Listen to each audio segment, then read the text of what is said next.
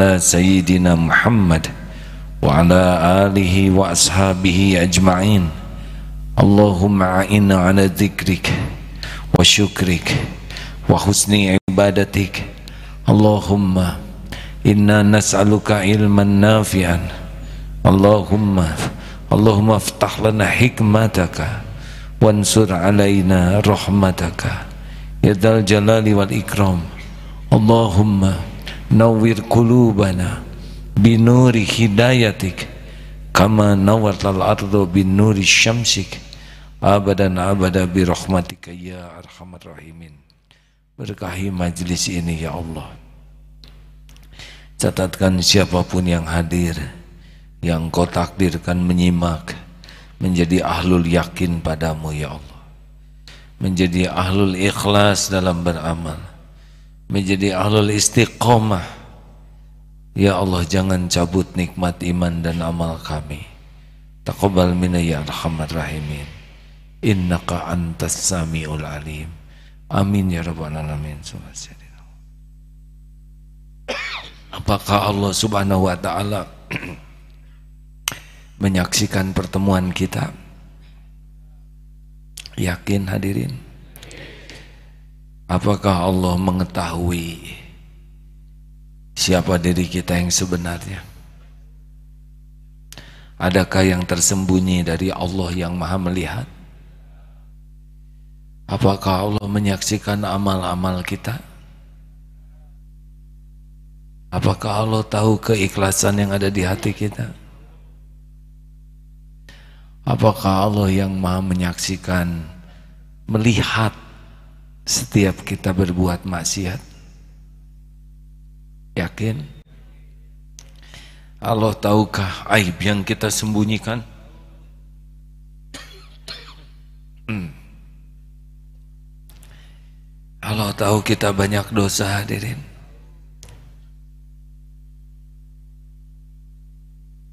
Kita simak surat An-Nahl ayat 61. Siapakah manusia yang zolim?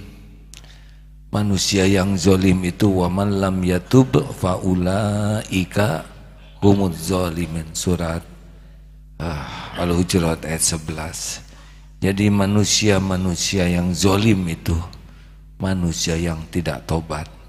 Lalu bagaimana nih? Apakah yang menyebabkan kita belum disiksa? Nauzubillah. Silakan simak. Silakan. Fadol. Surat An-Nahl surat ke-16 ayat 63. A'udzu billahi ayat, ayat 61 Surat An-Nahl ayat 61. Ya. أعوذ بالله من الشيطان الرجيم ولو يؤاخذ الله الناس بظلمهم ما ترك عليها ما ترك عليها من دابة. ما ترك عليها من دابة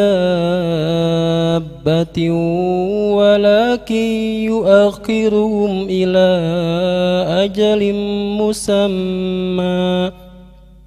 فإذا جاء أجلهم لا يستأخرون. لا يستأخرون ساعة ولا يستقدمون Jikalau Allah menghukum manusia karena kezolimannya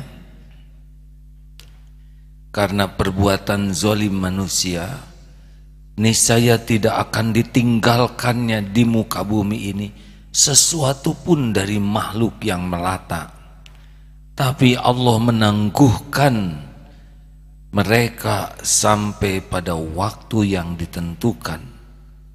Dan apabila telah tiba saat yang ditentukan bagi mereka, tidaklah mereka dapat mengundurkannya walau sesaat pun dan tidak pula memajukannya, mendahulukannya.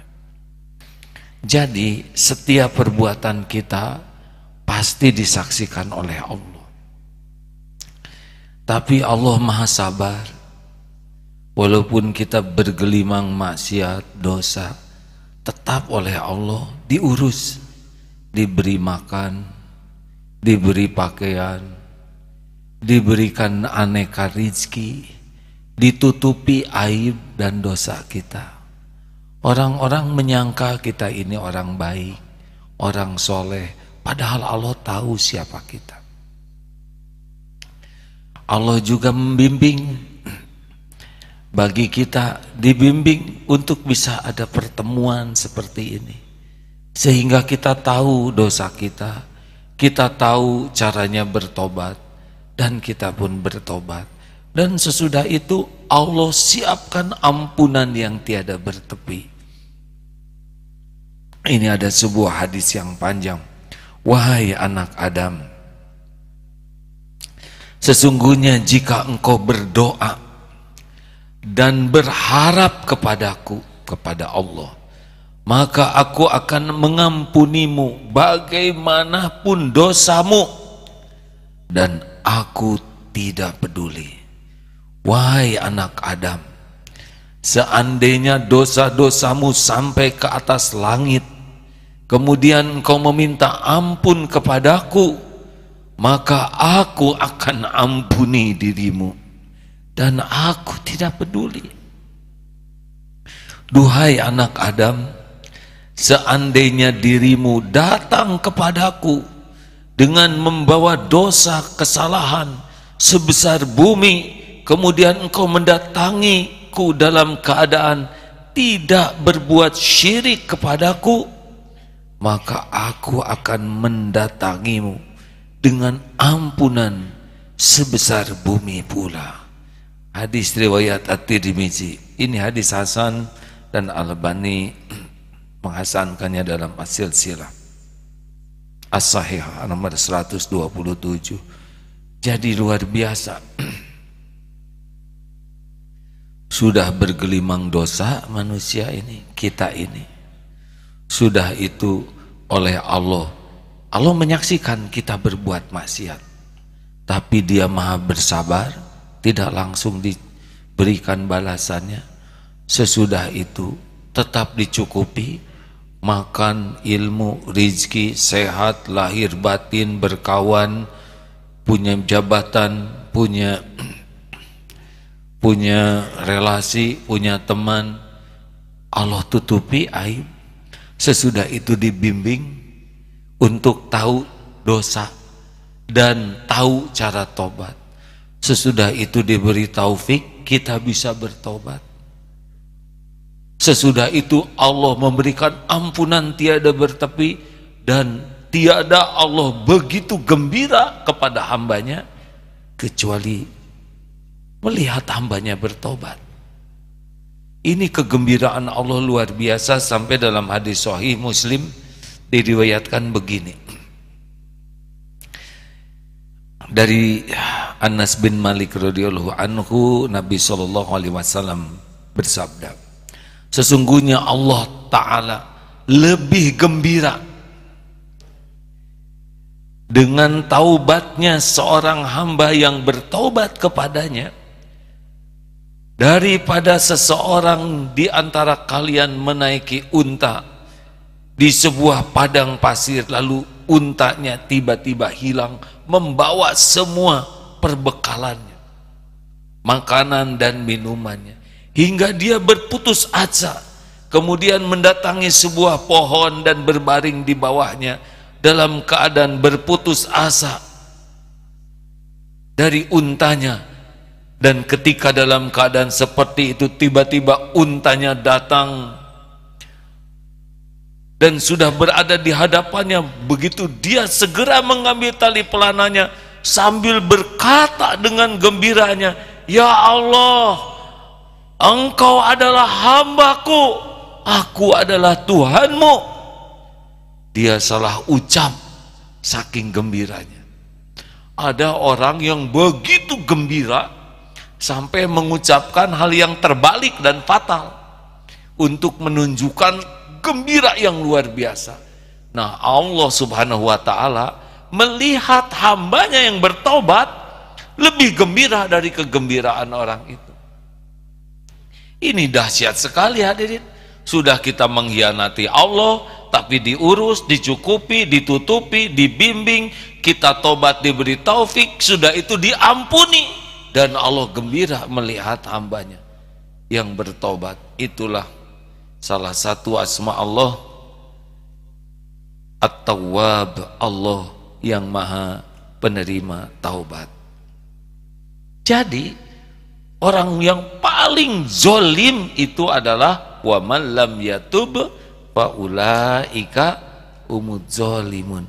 Manusia paling zalim adalah orang yang tidak bertobat.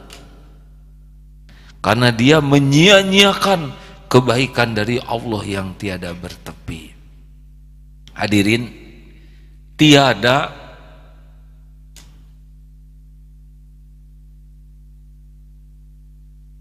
tiada yang lebih menyayangi kita dengar ini tiada yang lebih menyayangi kita dari siapa pun juga selain Allah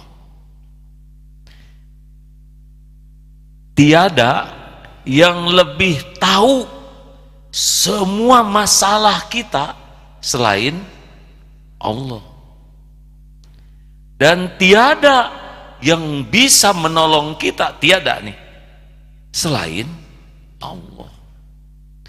Makanya kalau kita hidup tidak bertobat, kita zalim sekali, kita membinasakan diri.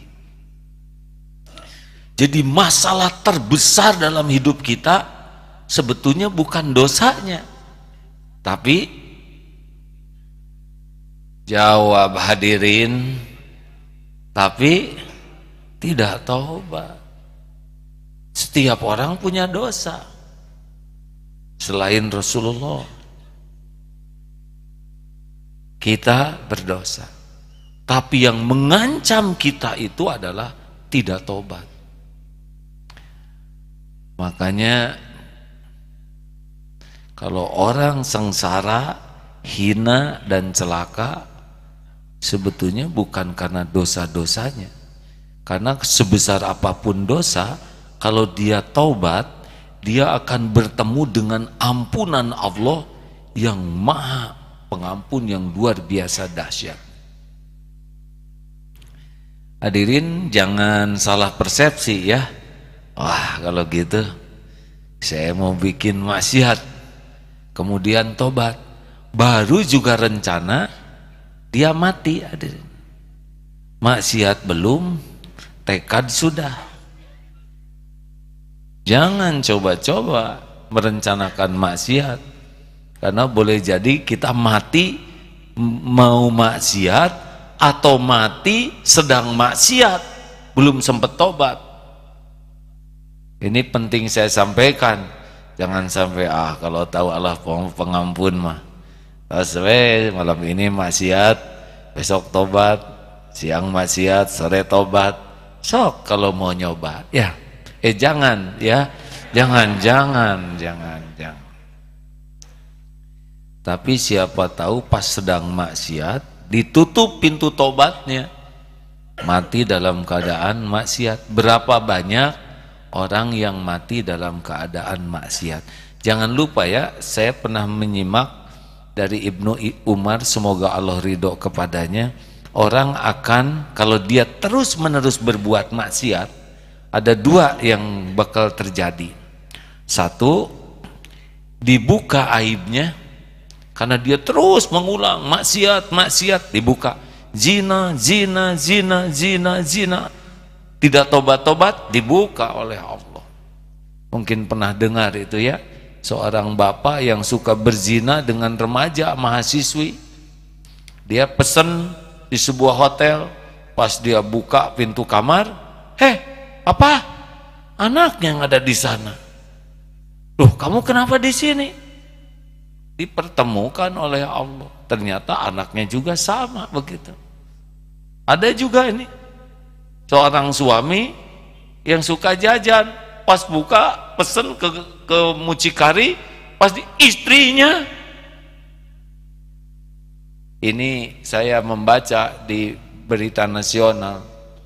Ini tidak sulit bagi Allah mengatur seperti ini. Aib terbuka itu Allah yang membuka. Tidak ada yang jago menyembunyikan diri dari maksiat, tidak ada, tidak ada sama sekali.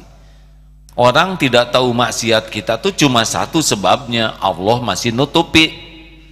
Tidak ada teknologi apa pun, tidak ada kecanggihan apa pun, relasi apa pun, penjagaan apa pun yang bisa mencegah Allah membuka aib kita.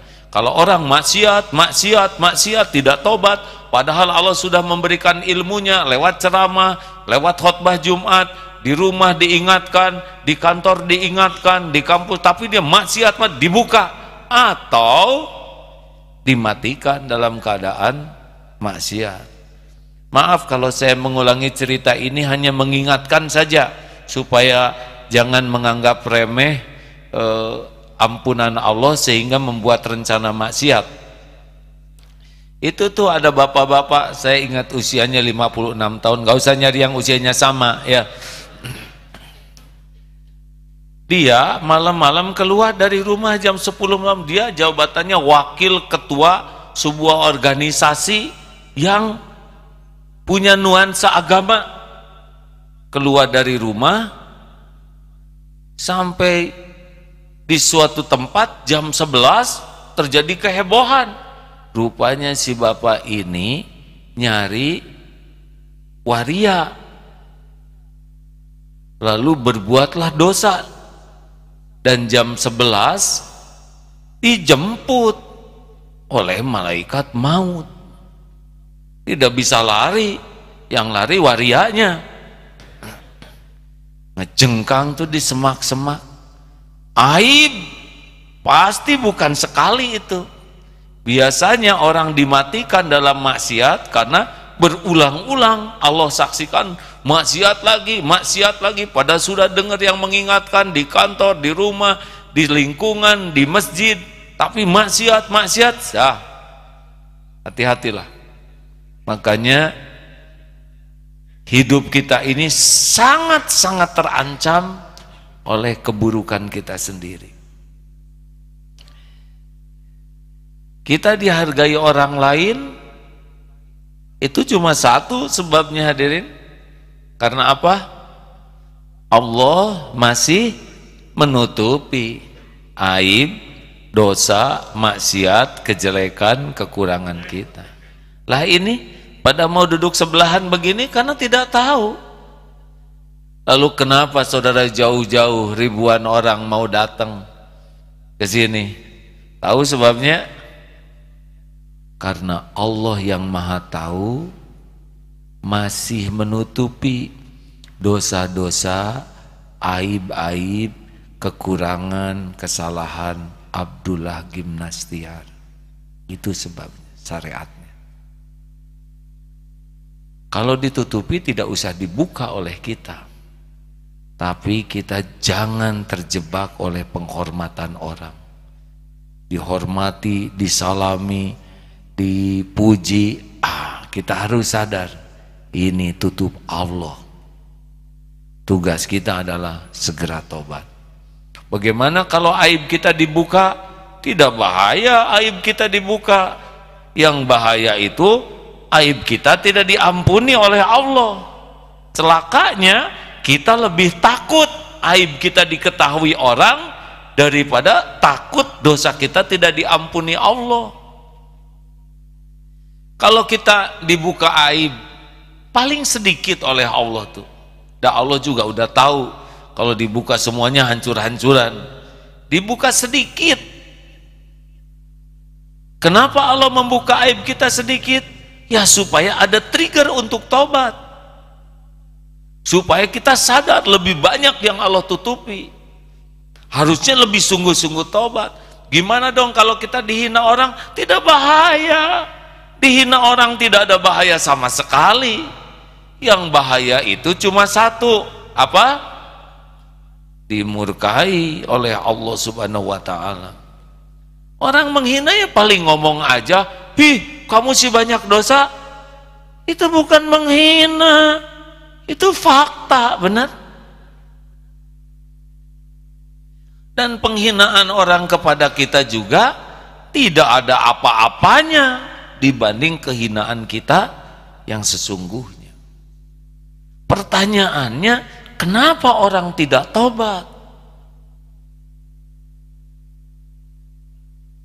Satu, orang yang tidak bisa tobat itu biasanya orang yang ujub, yang merasa diri sudah soleh, sudah baik, sudah benar, dia ujub saja merasa dirinya tuh sudah dekat dengan Allah, sudah suci.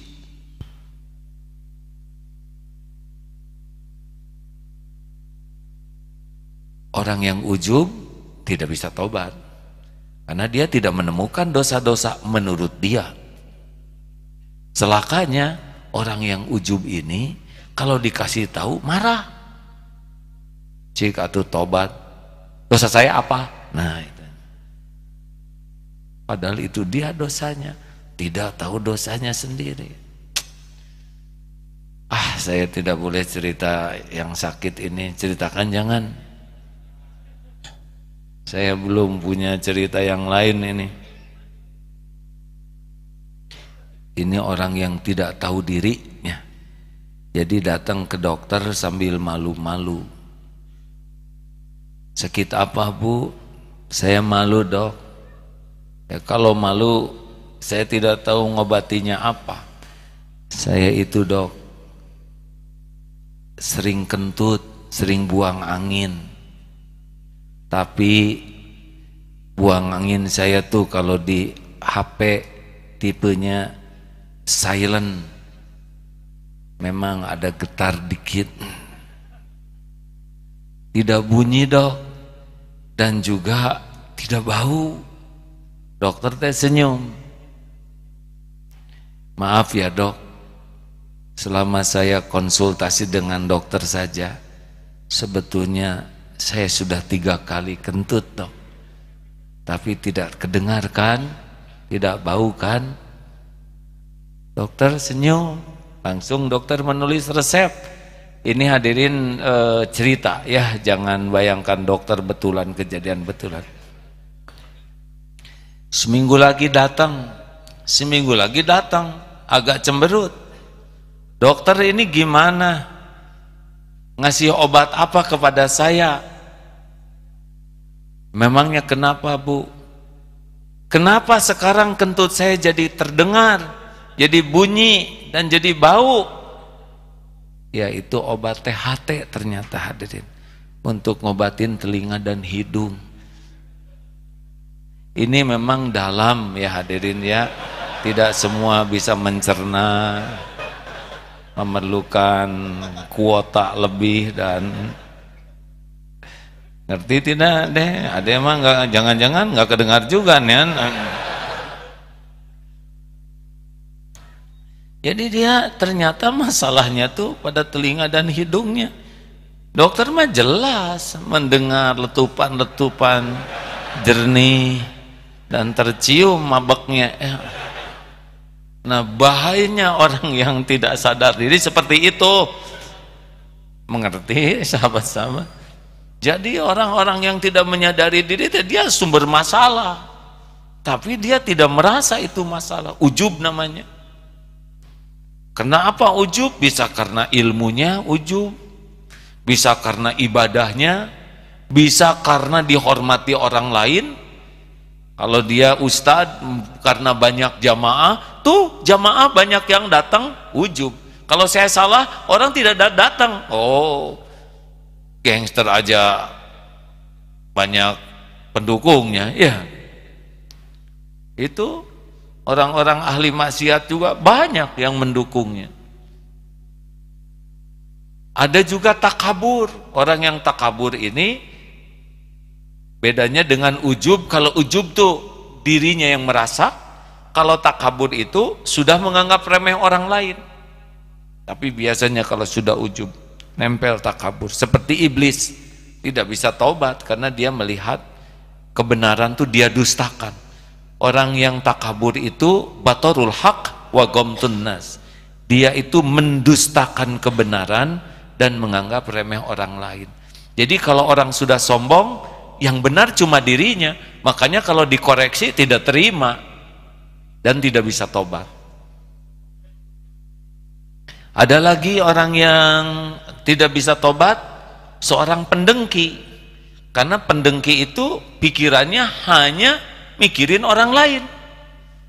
SMS susah melihat orang senang, senang melihat orang susah. Terus saja dia tidak pernah bisa melihat siapa dirinya karena kepuasannya adalah melihat orang lain menderita dan penderitaannya adalah melihat orang lain senang. Dan ada satu lagi yang tidak akan bisa tobat, yaitu yang merasa dirinya itu korban. Contoh begini, hilang dompet.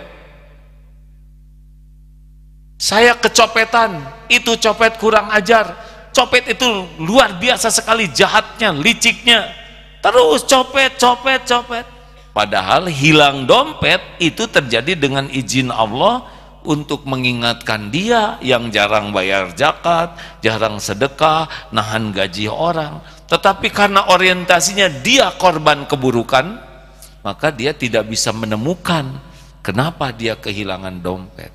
Jadi orang-orang yang orientasinya merasa dianiaya, maka sibuk saja memikirkan orang yang menganiaya. Padahal wa iyam saskal uh, bagaimana? surat An-Nisa 79 Ma asabaka min hasanatin faminallah wa ma asabaka min sayyiatin famin nafsik. Kebaikan datang dari Allah, keburukan yang menimpa itu dari dirinya sendiri. Nah, orang yang selalu merasa dirinya sebagai korban itu tidak bisa tobat. Itu di antara penyebab orang susah tobat. Tapi ada juga yang tobatnya tobat sambal atau tomat. Kasihan tomat hadirin tidak punya salah. Tobat kumat, tobat kumat, tobat kumat. Apakah kalau orang tobat tidak berbuat dosa? Bukan begitu. Orang yang tobat yang asli ini nih surat At-Taubah. Uh, ya, Surat At-Taubah ayat 118. Tsumma taba 'alaihim liyatubu innallaha huwa tawwabur rahim. Kemudian Allah menerima tobat agar menerima tobat mereka agar mereka tubuh tetap di dalam tobatnya. Jadi ada yang penting sesudah tobat yaitu istiqomah dalam tobat. Jadi jangan merasa sudah tobat sekali selesai urusannya. Kenapa? Lah, karena aktivitas kita melakukan dosa itu lebih hebat daripada aktivitas kita melakukan taat. Bahkan dalam taat juga itu ada dosa. Benar? Dalam taat saja itu bisa ada dosa. Apalagi dalam dosa dalam nganggur aja kita bisa dosa tuh diam, gak ada kerjaan. Hmm, hmm, hmm, nyong, monyong, monyong, monyong. Apa itu? Itu kan dicatat semua oleh malaikat. Kenapa jadi marah ronyong gini? Bangun tidur aja bisa jadi dosa. Ah, aing eh hirup tani kieu kieu teuing kufur nikmat. Sebel pisan orang ningali tetangga teh sedosa. Lihat ke TV ya bibir tebal nyanyi ngaca dong. Menghina ciptaan Allah. Lihat air ya cuman setengahnya kufur nikmat. Bangun saja tuh dari mulai bunyi itu sampai menjelang makan bisa banyak dosa ini pengajian ke sini kira-kira banyak dosa tidak eh, betul Kenapa menjiwai sekali? Nanti pulang dari sini ya, ceritanya udah tobat nanti. Tuh dari di situ aja berang nungguan ya. Enggak jelas siapa yang ditunggunya. Lihat yang nyebrang, oh neng itu saya bantu, eh pura-pura. Hadirin coba ya. Dari mata saja kita sudah sering kali berzina. Dari bangun sampai malam kalau satu kali mata melihat dosa dicatat berapa banyak. Dan kita jarang sekali memohonkan ampunan atas dosa mata ini. Betul? Telinga. Kita sering menikmati mendengar aib orang lain. Gibah itu sepasang. Yang bicara dan yang dengar kalau hatinya mengiyakan itu sama dosanya. Eh gak nyangka ya. Dia tuh padahal pakai jilbab loh. Tapi udah pelit koret kedekut buntut kasir cap jahe padahal dia jibnya jilbabnya besar. Kenapa kelakuannya ngaco kayak gitu? Mungkin dia sih eh, itu jilbabnya itu pinjem ya. Kata mm -mm. jadi tuh. Loh kan lo gibah itu kan definisinya mengatakan sesuatu tentang saudara kita seseorang yang kalau dia mendengar dia tidak suka. Gibah itu hukumnya haram dan dosanya ayuhibbu ahadukum ayyakula akhiki maitan fakaritumu al ayah sukakah engkau memakan daging mayat saudaramu yang sudah mati? Jadi penggibah itu memakan bangkai dan mayat saudara. Coba itu makan bangkai saja sudah haram. Ini saudara yang meninggal saking menjijikannya. Dan yang mendengar hmm, hmm, hmm, hmm, jadi nggak usah ikut ngomong dak kalau dia ngomong sendiri sama pohon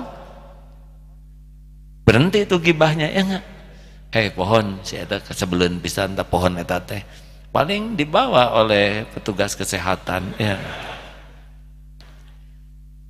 Mulut. Oh mulut ini.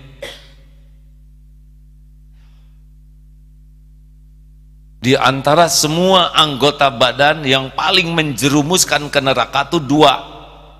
Apa yang ada di antara dua rahang dan ada di antara dua kaki lidah dan kemaluan paling besar penghuni neraka itu karena lidah dan karena farjinya. Nyaris tiap ngobrol tuh jadi dosa kalau tidak hati-hati. Datang tamu, hmm, berapa kintal sekarang? Nyebut kintal ke teman yang kintal itu kan karung hadirin. Hidung kutil, dosa yang Ngomong itu tidak mudah. Makanya sungguh mengagumkan orang-orang yang senang sekali ngobrol tanpa niat, tujuan yang jelas, tanpa takut dilihat Allah. Kalau ngobrol itu ada dilebih-lebihkan, ada bohong, ada ditambah-tambah, ada dikurang-kurang, benar? Ada uh, ngarang, ada apalagi ujubnya, ada sombongnya, ada mencela, ada meng mengejek, ada menggibah, ada fitnah. Itu ngobrol 10 menit tuh, uh, bisa ria, sum'ah, cerita amal, bisa hilang tuh. Habis tawaf sejam di lantai atas sejam 10 menit. Itemnya belum hilang, pahalanya udah hilang. Alhamdulillah. saya baru selesai. Uang satu jam setengah. Bohong. Itu dibonusin 20 menit sendiri. Ini tawaf yang kesembilan kalinya. Siapa yang nanya? Nggak ada yang nanya nggak ada yang mau tahu. Hilang tuh capeknya belum hilang. Itemnya belum hilang. Gara-gara ngobrol lihat gambar Ka'bah ini alhamdulillah nih saya pernah eh, sholat di sini. Waktu saya umroh ketiga kalinya di sini nih ya. Ada yang nanya. Tiga-tiganya bisa hilang tuh. Hadirin hati-hati ngobrol. Bukan tidak boleh ngobrol. Pulang dari sini teh sarpi Nulis tong loba omong manesia. Ah. Sekarang ini diganti ini, ya kan? makanya al muslimu man al muslimuna min lisanihi wa yadi. Tangan ini kalau dulu mungkin gangguan tangan tapi sekarang gangguan tangan terbesar jempol sen broadcast itu hadirin dengan sekali pijit fitnah bisa nyebar ke mana-mana dan nggak tahu bagaimana tobatnya itu. Ngejar dosa yang tersebar lalu di forward lagi ke yang lain. Aduh nauzubillah. Hati-hati. Makanya sebaiknya kalau ngobrol tuh harus yakin sekali. Ada malaikat majal fiju min kaulin illa ladaihi raqibun atid ada malaikat yang selalu menulis di kanan dan di kiri kita. Juga Allah maha mendengar. Dan setiap ucapan ini yang diajak ngomong mungkin lupa. Kita lupa Allah tidak akan lupa. Hati-hati. Yang paling aman faliyakul khairan auliasmut tapi kalau sudah bicara segera tutup dengan doa bagaimana doanya? Allahumma barik lana. Cuma doa makan hadirin masa udah ngobrol makan. Subhanakallahumma wa bihamdika. Asyhadu alla ilaha illa anta. Astagfiruka wa atubu ilaik cepat tutup belum lagi dosa-dosa lain ya HP itu bisa gudang dosa tuh. HP itu bisa gudang dosa kalau tidak disiplin. Oh, dosa, dosa, dosa. Kalau satu dosa seperti satu tinta menutup hati, terus makin hati, makin hari makin tertutup. Kalau sudah tertutup, sudah pasti itu gelisah. Dan kalau sudah gelisah, susah lihat apa-apa. Lihat jalan keluar tuh tidak terlihat. Naik mobil, terus diberikan kotoran, kacanya, pasti stres yang di dalamnya.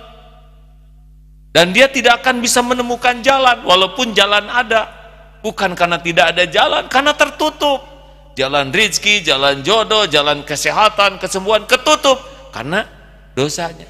Nah kalau cuma sekali begitu tapi nyebrotnya tiap saat tidak efektif maka satu amalan yang penting kita lakukan adalah istiqomah memohon ampunan kepada Allah. Dalilnya man aksarul istighfar man aksarul istighfar dan barang siapa yang banyak istighfar dalam hadis lain man lazimal istighfar yang melazimkan membiasakan meminta ampun ja'alallahu lahu min kulli hamin farajan wa min kulli doikin makhrajan wa rozaqahu min haitsu la yahtasib akan dilapangkan dari pedih, sakit hati, nyesek, pilu, nelangsa, apa aja suasana hati yang menderita teh? Apa? Kecewa, perih, nyesek, luka, robek, kesuat-suat. Pokoknya ya, tuala kaya lu. Ada badan sehat, seger. Kalau ini remek, remek tuh hadirin. dilapangkan oleh Allah. Kenapa? Ya kan Allah tahu kita menyesali dosa. Allah tahu kita meminta ampunan kepada Allah. Allah tahu ini hadirin. Tapi nanti ada syaratnya ya. Kenapa kok orang tidak bisa istiqomah dalam tobatnya? Kenapa kita jadi tobat kumat tobat kumat? Nah, penyebabnya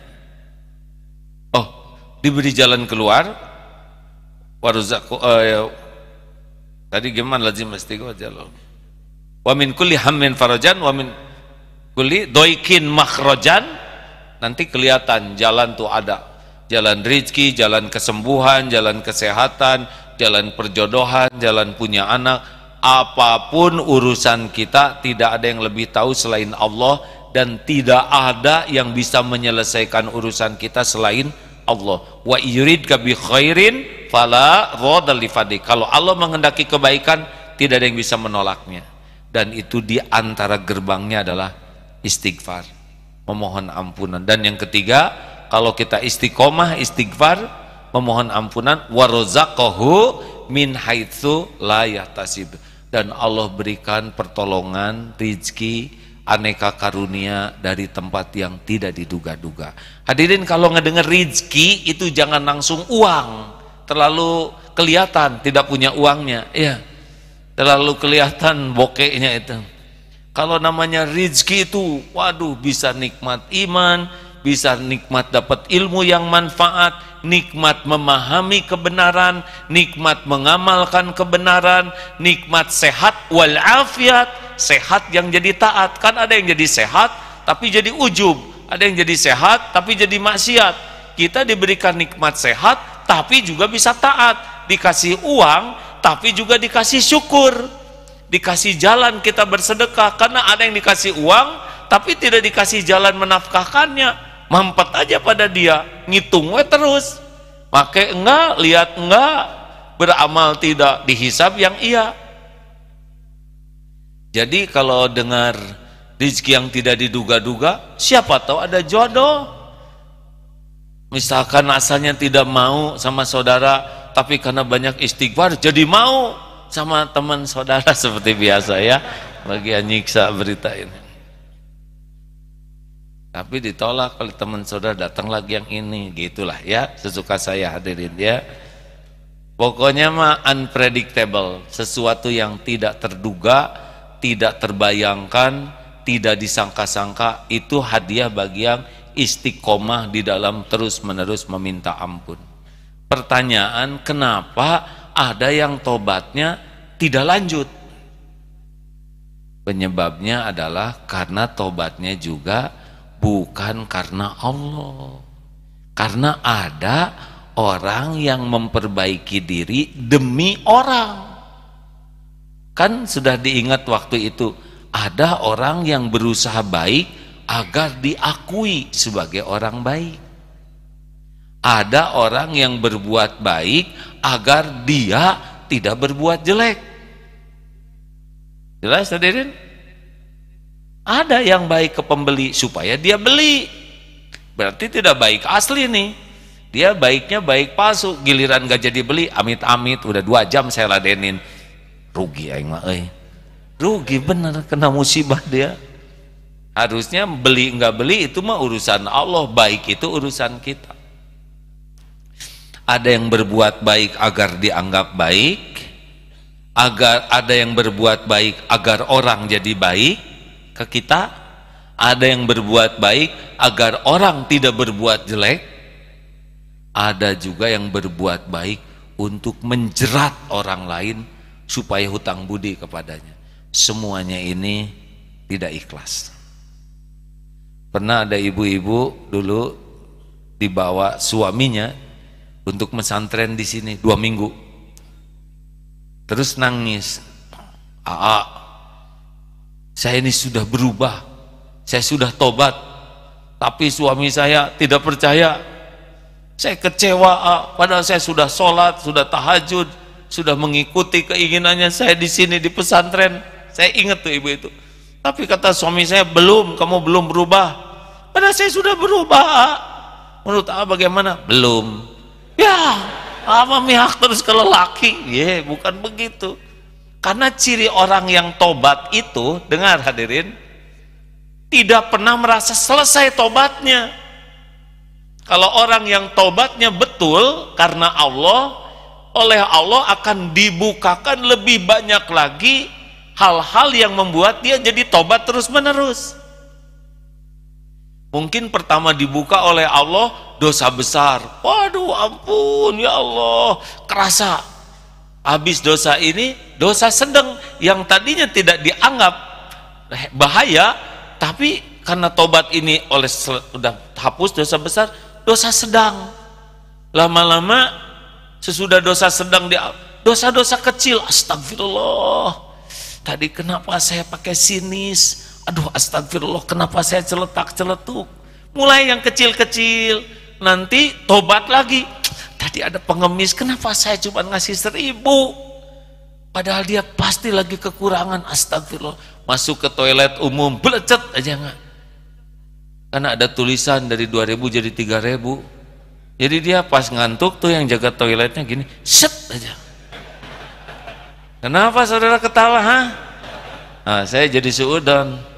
Kelihatannya sudah pernah melakukan hal yang sama ya.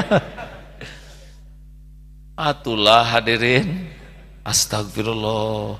Saya sudah pakai toiletnya. Tapi kan yang lain bayar. Iya, tapi yang berak kamu, ya enggak? Astagfirullah, astagfirullah. Udah keburu pergi. Kita enggak ngasih. Itu masih hak orang lain. Tapi lama-lama ada juga yang kita lalai. Aduh, saya kehilangan tahajud. Astagfirullah, tidak dosa itu, ya. Tapi kehilangan sholat sunnah, astagfirullah. Hari ini tidak satu juz, ya Allah ampun, ampun. Kehilangan amal saja tobat. Terus sampai hal-hal bahkan dia nanti akan tobat atas tobat-tobatnya yang tidak tobat. Bingung kan? Saya juga rada bingung. Jadi gini hadirin. Oke tenang. Kita mentaubati tobat kita Astagfirullah baru saya istighfar tapi saya melakukan lagi astagfirullah. Nah jadi tobat kita pun kita tobati karena kita merasa mengkhianati tobat kita yang tadi. Nah sedangkan dosa kesalahan itu pasti ada terus dalam hidup kita. Jadi masalah kita adalah kita tidak istiqomah dalam tobat. Dosanya bertambah terus, tapi tobatnya cuma sesekali saja. Dan kadang-kadang merasa sudah. Kenapa? Karena kita bertobat tidak ikhlas, lebih karena ingin dinilai makhluk, diakui makhluk, ada balasan dari makhluk.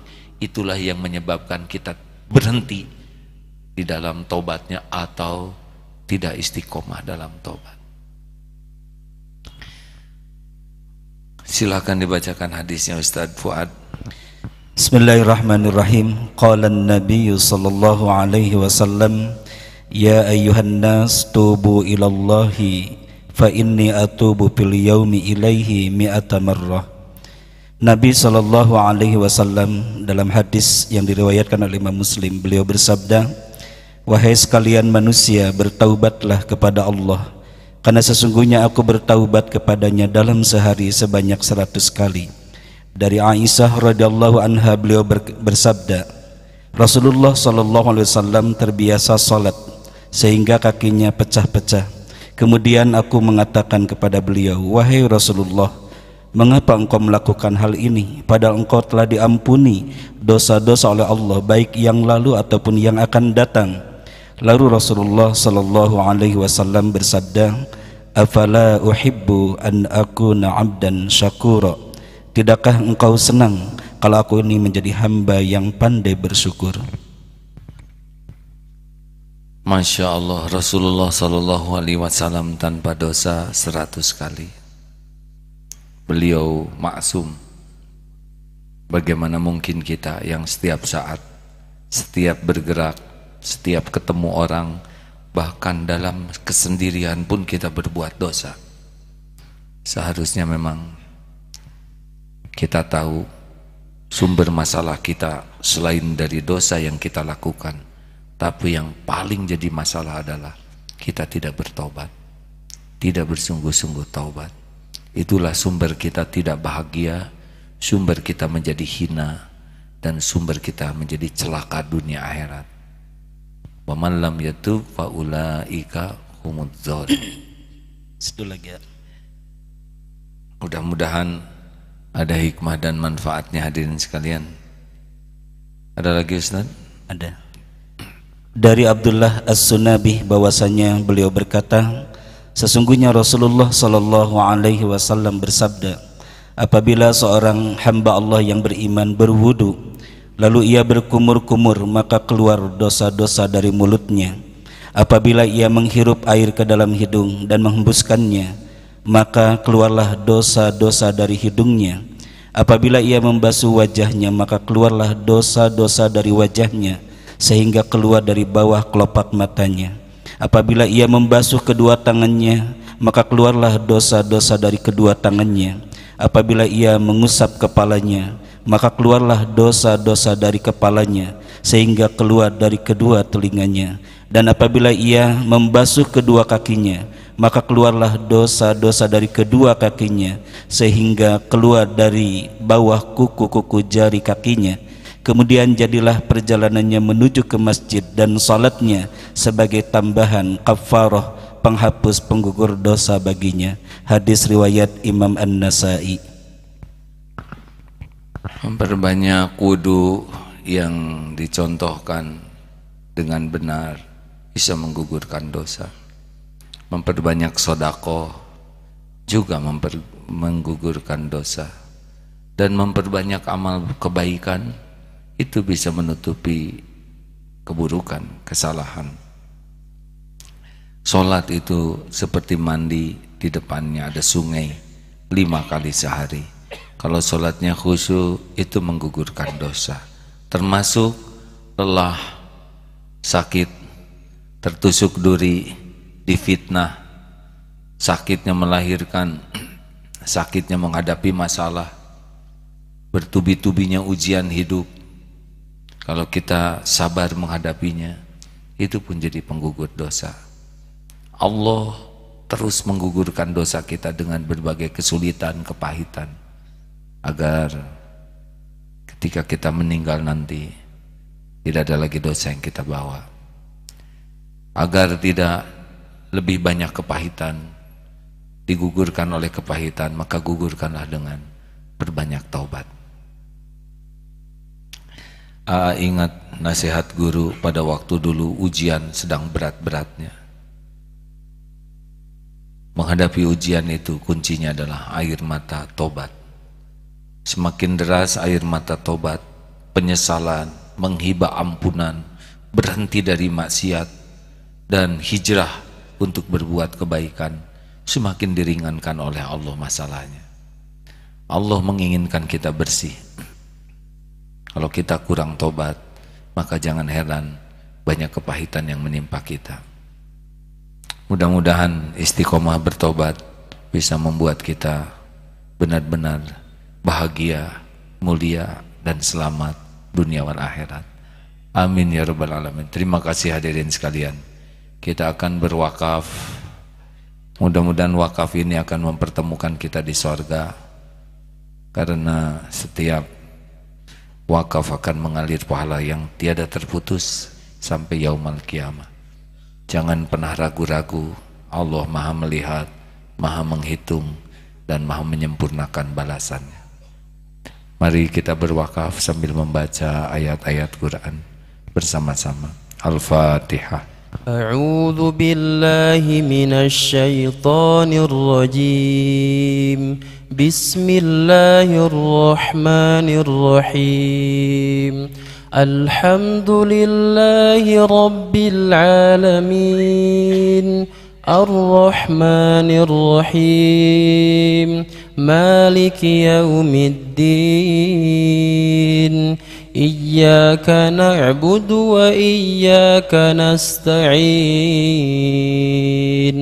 اهدنا الصراط المستقيم. صراط الذين أنعمت عليهم. غير المغضوب عليهم ولا الضالين.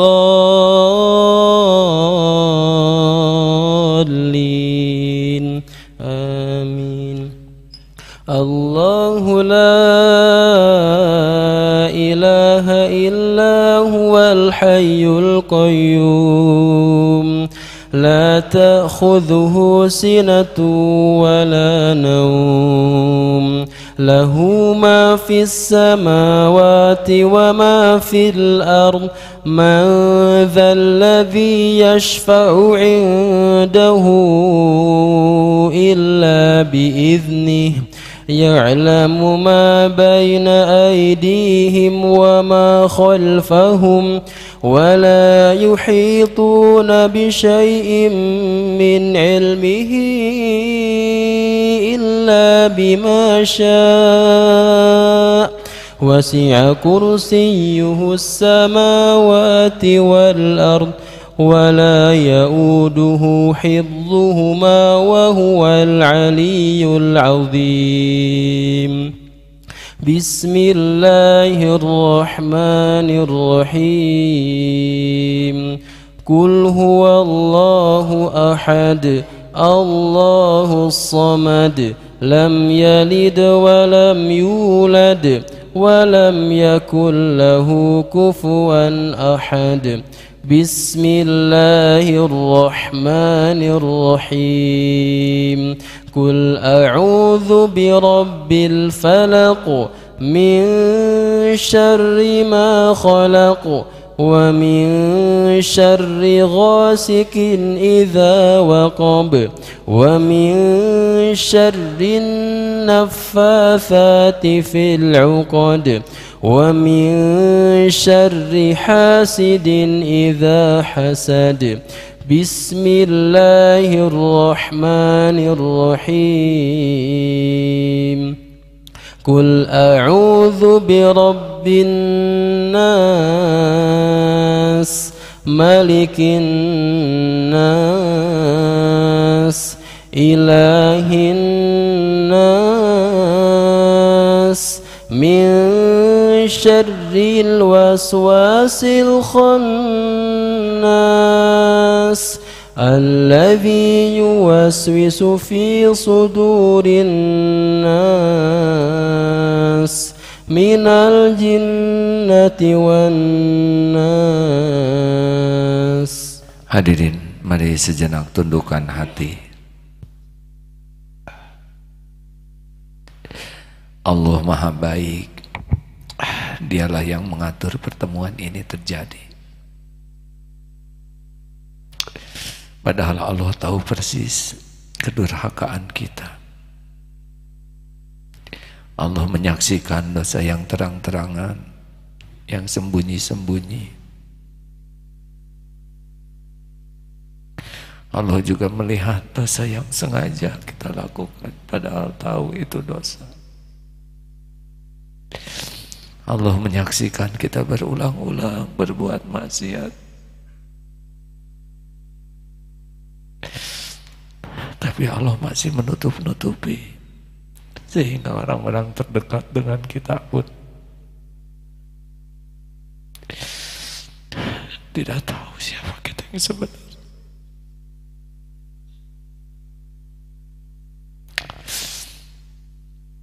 apa yang kurang karunia Allah dicukupi. Pakaian tempat berteduh.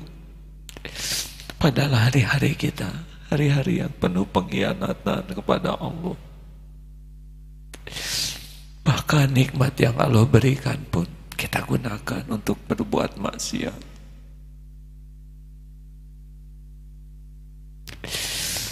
Mata kita gunakan untuk maksiat jarang untuk membaca Quran pikiran akal. Sibuk mengingat dunia. Jarang ingat kepada Allah astagfirullah telinga mana kita mendengar asma Allah dari 24 jam sehari? Kening sujud pun hanya pura-pura astagfirullah Allah tahu saat kita bersujud pun tidak ingat kepadanya. Astagfirullah. Hadirin tubuh ini suatu saat akan bersaksi. Astagfirullah. Allahumma salli ala sayyidina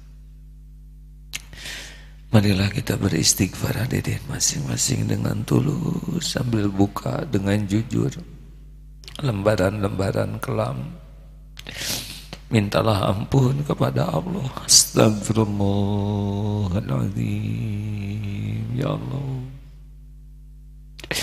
Astagfirullahaladzim. Astagfirullah. Jujurlah hadirin, bukalah lembaran-lembaran hitam.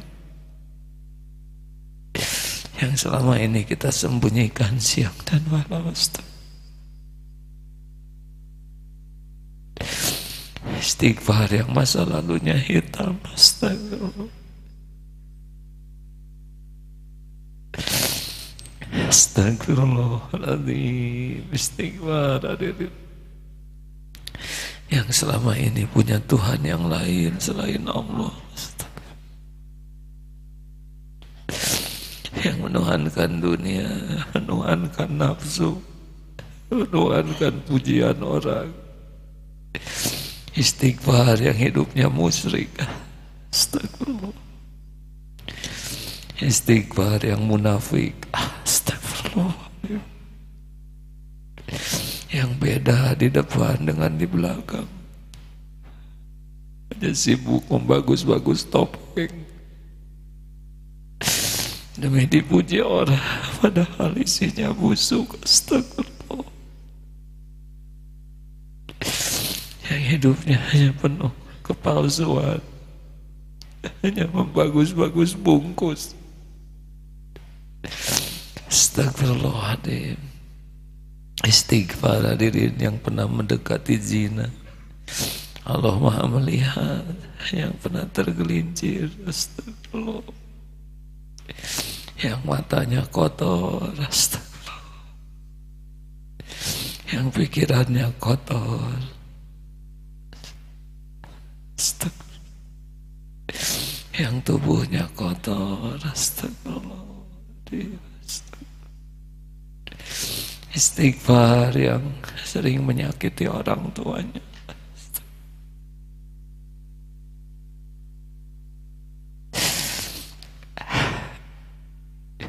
Yang air susu di batas air tua. Yang jarang tersenyum tulus kepada orang tua. Yang jarang membahagiakan ibu bapaknya apalagi yang telah wafat orang tuanya yang jarang mendoakan. Astagfirullah. Astagfirullah. Rabbi kfirli wali walidayya. Warhamhuma kama rabbayani sagir Rabbi kfirli wali walidayya. Warhamhuma kama rabbayani sagir Mikfirli wali walidayya warhamhuma kama rabbayani sagir istighfar hadirin yang pernah memakan harta haram minuman haram makanan haram. Astagfirullah. Yang mengambil hak orang lain yang menahan hak orang lain Astagfirullah nanti yang pernah menyakiti kaum doa menyakiti orang-orang yang berbuat baik. Istighfar. Yang pernah menghina para ulama. Yang pernah berbuat zalim kepada orang yang berbuat baik kepada kita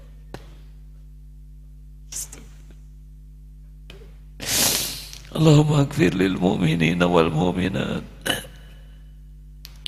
wal muslimina wal muslimat al ahya'i minhum wal amwat Ya Allah Allahumma ja'alna minat tawabin waj'alna minal mutatahirin waj'alna min ibadika salihin Allahumma inna nas'aluka taubatan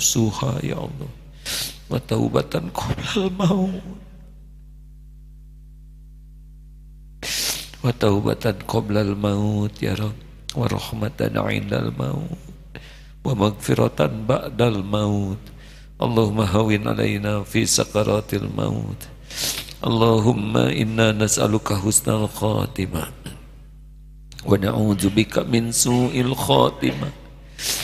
Allahumma rabbana zalamna anfusana wa illam taghfir lana wa tarhamna lanakunanna minal khasirin Allahumma gfir lana wali walidina warhamhum kama rabbawna sigara Ya Allah berkahi sisa umur ini ya Allah Terimalah tobat kami ya Rabb. Istiqomahkan kami dalam tobat ya Allah. Ya Allah, jangan cabut nikmat iman, nikmat Islam, nikmatnya istiqomah ya Allah. Rabbana la tuzigh qulubana ba'da id hadaitana wa hab lana min ladunka rahmah innaka antal wahhab. Ya Allah, berkahi dan muliakan dunia akhirat orang tua kami. Berikan pendamping terbaik yang menantikannya ya Allah Pernikahan yang barokah Rumah tangga sakinah Keturunan yang soleh soleha Keluarga hafiz hafizah Rabbana hablana min azwajina Wa dhurriyatina qurrata a'yuni Waj'alna lil muttaqina imama Sembuhkan yang sedang sakit Ya Allah ya syafi Wa anta syafi ya Rabb Sembuhkan saudara-saudara kami yang sakit, guru-guru kami yang sakit, ya Allah, sahabat-sahabat kami yang sakit. Ya Allah, bukakan pintu rizki bagi yang kekurangan, ya Rob. Lepaskan dari yang dililit hutang piutang, ya Goni, ya Roja. Cukupi hanya dengan rizki yang halal, yang berkah, ya Allah. Jauhkan dari yang haram dan subhat. Ya Allah jangan biarkan kami meminta-minta kepada makhlukmu ya Rabb Ya Allah berikan kemudahan yang sedang dihimpit masalah Kesulitan Lindungi yang sedang dihimpit fitnah ya Allah Rabbana atina min ladunka rahmah Wahayyilana min amrina rasyada Ya Allah selamatkan kaum muslimin muslimat mukminin mukminat. Ya Allah bimbing para pemimpin kami agar jadi hamba-hamba yang takut padamu hamba-hamba yang lurus di jalanmu ya Allah. Berikan keadilan berikan kejujuran ya Allah.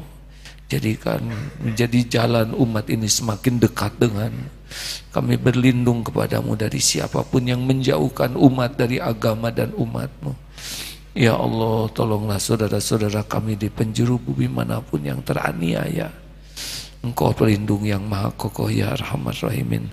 Allahumma a'izal islam wal muslimin. Allahumma ansur mujahidin fi kulli makan, fi kulli zaman.